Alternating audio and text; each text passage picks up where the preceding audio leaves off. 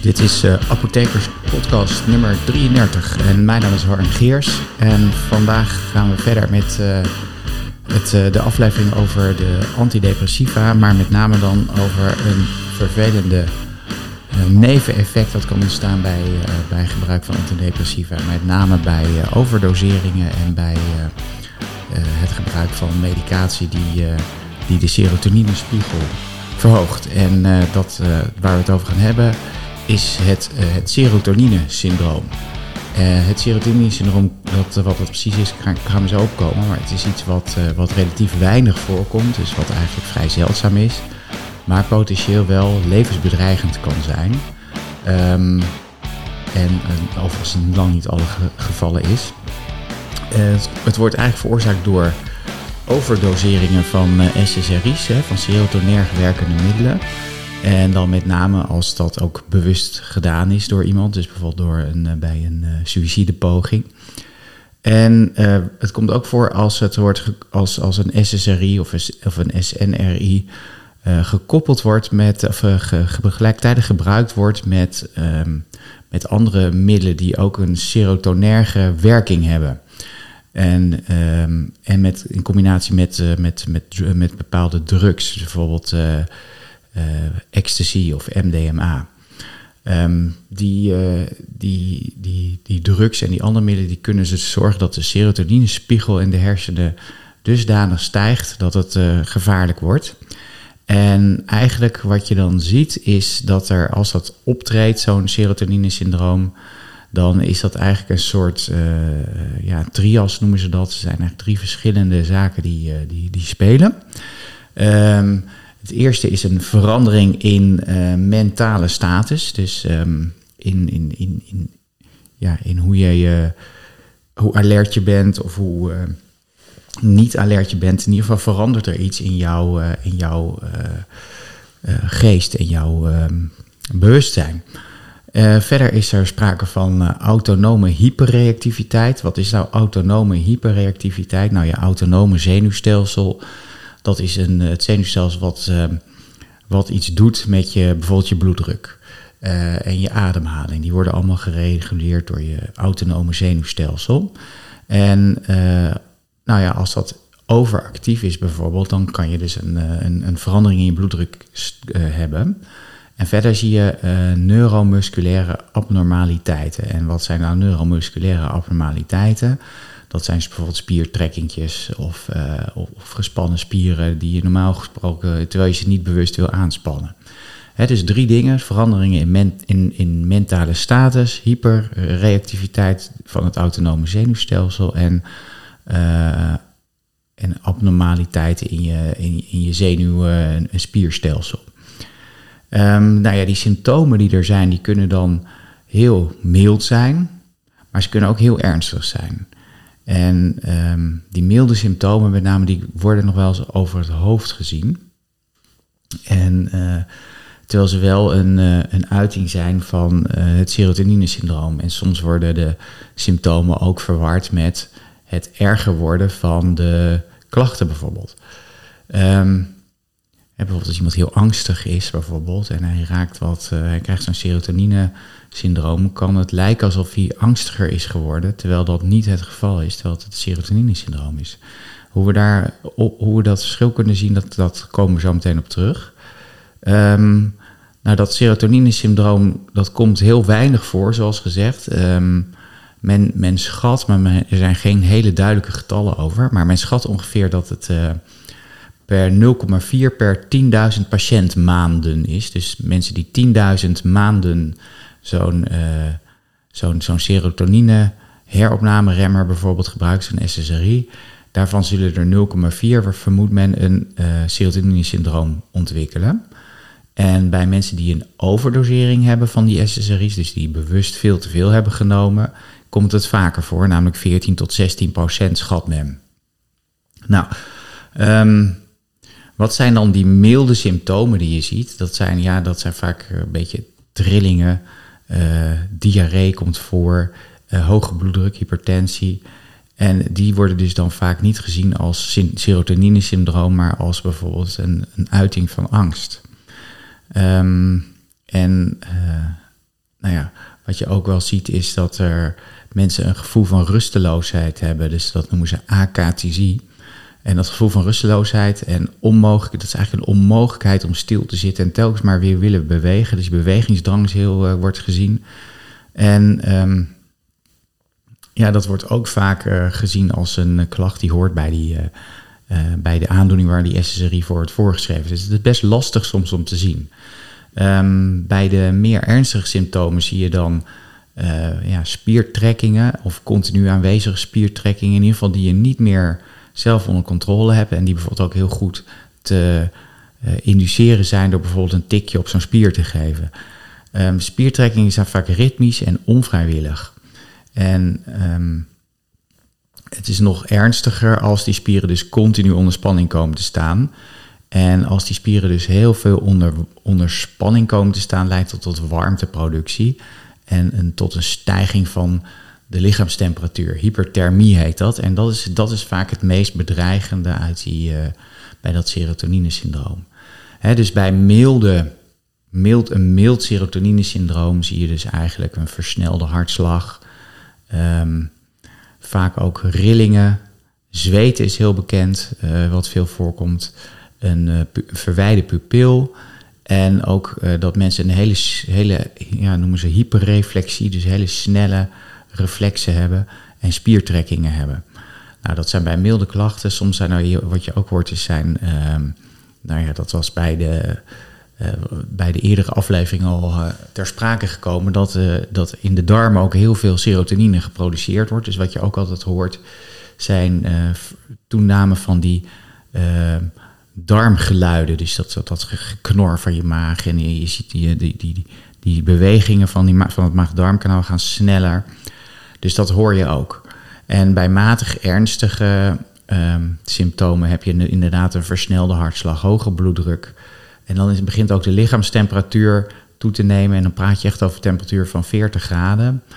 Um, toegenomen maag-darmgeluiden, zweten weer, verwijde pupillen. Um, en wel wat belangrijk is, is een normaal gekleurde huid. Dus je hebt geen vuurrode huid. Zoals je soms bij andere uh, intoxicaties wel ziet. Uh, mensen hebben een uh, snelle een hyperreflexie en spiertrekkingen. Vooral waar dat voorkomt zijn de onderste extremiteiten. En de onderste extremiteiten, dat zijn je onderste benen en het onderste gedeelte van je armen. Dus je hebt veel trillingen in je armen en in je benen ook. Uh, in het onderste gedeelte daarvan. mensen kunnen ook geagiteerd zijn, dus, dus zeg maar ja, snel geprikkeld zijn, snel prikkelbaar zijn. En ze, kunnen ook, en ze zijn vaak extreem alert ook. En wat je ook wel ziet is dat mensen bijvoorbeeld de hele tijd met hun hoofd heen en weer bewegen. Dus een herhaalde rotatie van het hoofd. En ernstige casussen, die, uh, daar zie je ook ernstige hoge bloeddruk, hele snelle hartslag, dus erge tachycardie zoals het dan heet. Uh, mensen kunnen in shock raken, ze hebben vaak, zijn echt helemaal verward. Dus hun mentale status is echt zo dat ze verward raken, wartaal uitspreken en en daarbij heel geagiteerd zijn, dus heel onrustig zijn. Dus een geagiteerd delirium wordt dat wel genoemd. Uh, ze hebben spierstijfheid en spanning, een hoge lichaamstemperatuur. En hoe hoger die lichaamstemperatuur, hè, bij, een, bij een lichaamstemperatuur van boven de 41,1 graden Celsius, praten we al over levensbedreigende situaties. Nou, doordat die spieren zo ontzettend gespannen staan, gaan ze heel veel afvalstoffen produceren. Uh, bijvoorbeeld, uh, en wat ze gaan doen is ook bijvoorbeeld lactaat produceren. En je kan dus ook daardoor een acidose krijgen. Dus daardoor daalt de pH van je bloed. Dus een metabole acidose komt voor. Uh, je spieren kunnen zo, zo onder druk komen te staan dat ze kapot gaan. En dat heet rhabdomyolyse. Dat kan voorkomen. Nou, verder kunnen de leverenzymen kunnen veranderen. En men kan nierfalen krijgen. En ook uh, kan de stolling uh, al heel abnormaal worden en heel snel, dat je een heel snelle bloedstolling krijgt. Maar de schade die wordt vooral veroorzaakt eigenlijk door die uh, hoge lichaamstemperatuur, door die hyperthermie. Nou, verder is het belangrijk om te weten dat die symptomen snel opkomen. Meestal al na een paar minuten nadat iemand een overdosering heeft genomen. En 60% van de, van de mensen krijgt binnen 6 uur na de start van geneesmiddelen of dosisverhogingen of toevoeging van een, uh, een ander middel wat een verhoging van een serotoninespiegel geeft, uh, ge krijgen ze al klachten. en dan was, wat, wat je dan moet doen is natuurlijk stoppen met het geneesmiddel wat het veroorzaakt, direct. En ook direct een arts waarschuwen.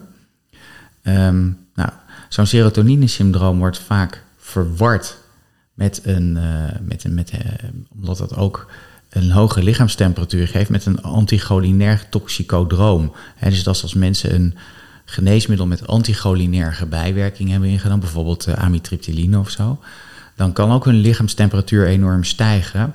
Maar dat is wel verschillend van een uh, serotonine-syndroom. Want bij anticholinerge bijwerking heb je bijvoorbeeld geen maag-darmgeluiden, want je maag-darmkanaal komt helemaal stil te liggen.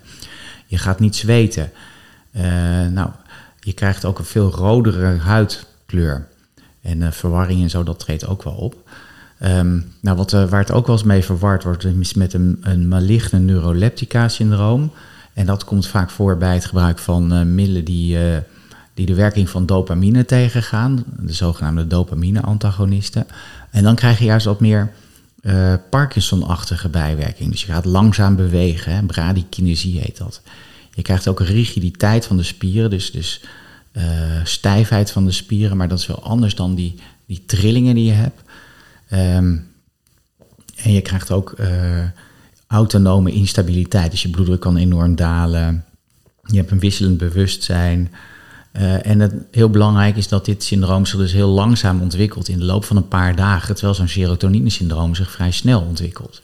Dus daar kan je het verschil in zien.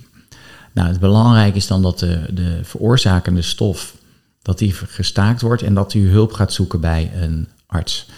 Uh, de symptomen stoppen vaak 24 uur na staken en naar het uh, uh, naar staken van het veroorzakende middel, maar ook naar bij de juiste symptoombehandeling, want dat is belangrijk. Dus alleen maar staken van het geneesmiddel is niet voldoende soms. Um, dus het is heel belangrijk om bij, die, bij, bij verschijnselen van zo'n serotonine-syndroom hulp te zoeken.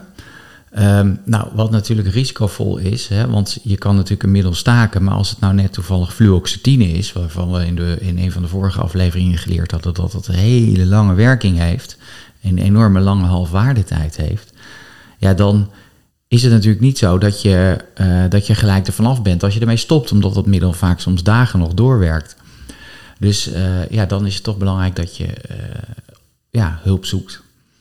Nou, de belangrijkste wat, we, wat er natuurlijk is en wat je, wat je wil doen, is natuurlijk het voorkomen van zo'n serotonine-syndroom. En dat kan heel goed door uh, in ieder geval als je medicatie gebruikt, bijvoorbeeld een SSRI, dat in ieder geval goed uh, te checken met je apotheker. Uh, de apotheker kan namelijk kijken of er geneesmiddelen zijn die wel of niet goed samen kunnen met die SSRI's. zodat je minder kans loopt op het krijgen van een serotonine-syndroom.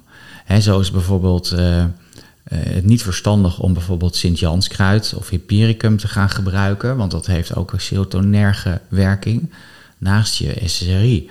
Dan loop je dus kans dat er een serotonine-syndroom optreedt. Die kans is groter. Hoeft niet altijd te gebeuren natuurlijk.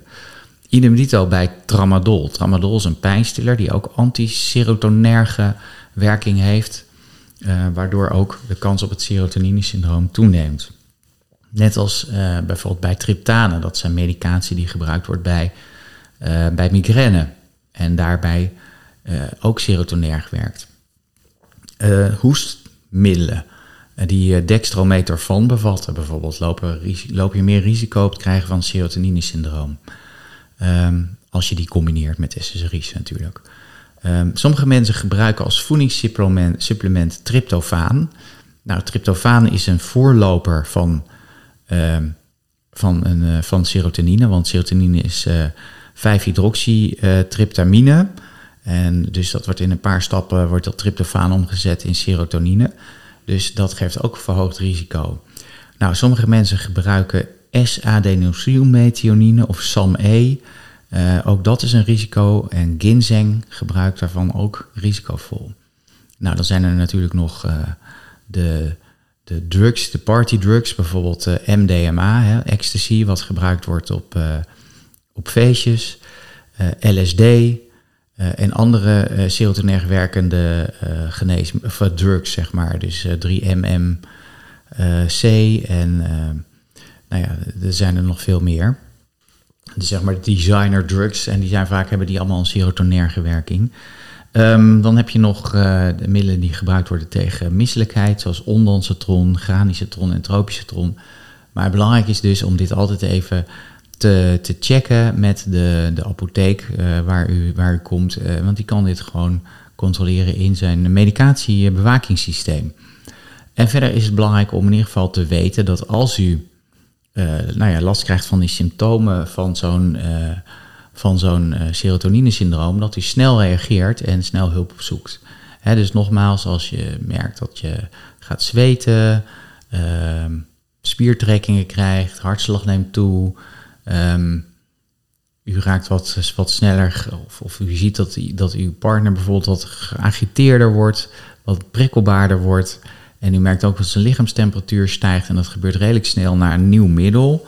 Uh, wat gebruikt wordt, wat mogelijk dat serotonine-syndroom kan veroorzaken. Dan zorg dan dat u snel um, hulp zoekt. En in ieder geval stopt met dat nieuwe middel wat u gebruikt heeft. En ook ja, misschien ook wel uh, verstandig om gelijk dat, uh, dat antidepressivum dan ook maar te stoppen. En hulp te zoeken. Nou, um, het serotonine-syndroom is dus een, uh, een syndroom wat, uh, wat weinig voorkomt, maar potentieel wel ernstige bijwerkingen heeft en ernstige gevolgen kan hebben. En uh, dat is de reden waarom we deze apotheekspodcast er toch even aandacht aan besteden. Als apotheker zie ik natuurlijk niet zo heel veel het serotonine-syndroom, dat dat meer iets is wat een arts diagnosticeert. Maar ik vond het toch belangrijk om u er iets over te vertellen. En ik hoop wederom dat u het een interessante verhaal vond. En uh, ik hoop dat u volgende week uh, weer luistert uh, naar de volgende apothekerspodcast. Die zal gaan over het gebruik van, het afbouwen van antidepressiva. ook een heel lastig dingetje. En daar zullen we de volgende aflevering aandacht aan besteden. Bedankt voor het luisteren en tot, tot de volgende keer. En als u het leuk vond, laat dan een positieve review achter op Apple Podcast of op een ander podcastplatform waar u... Ehm, waar u luistert. Tot volgende keer.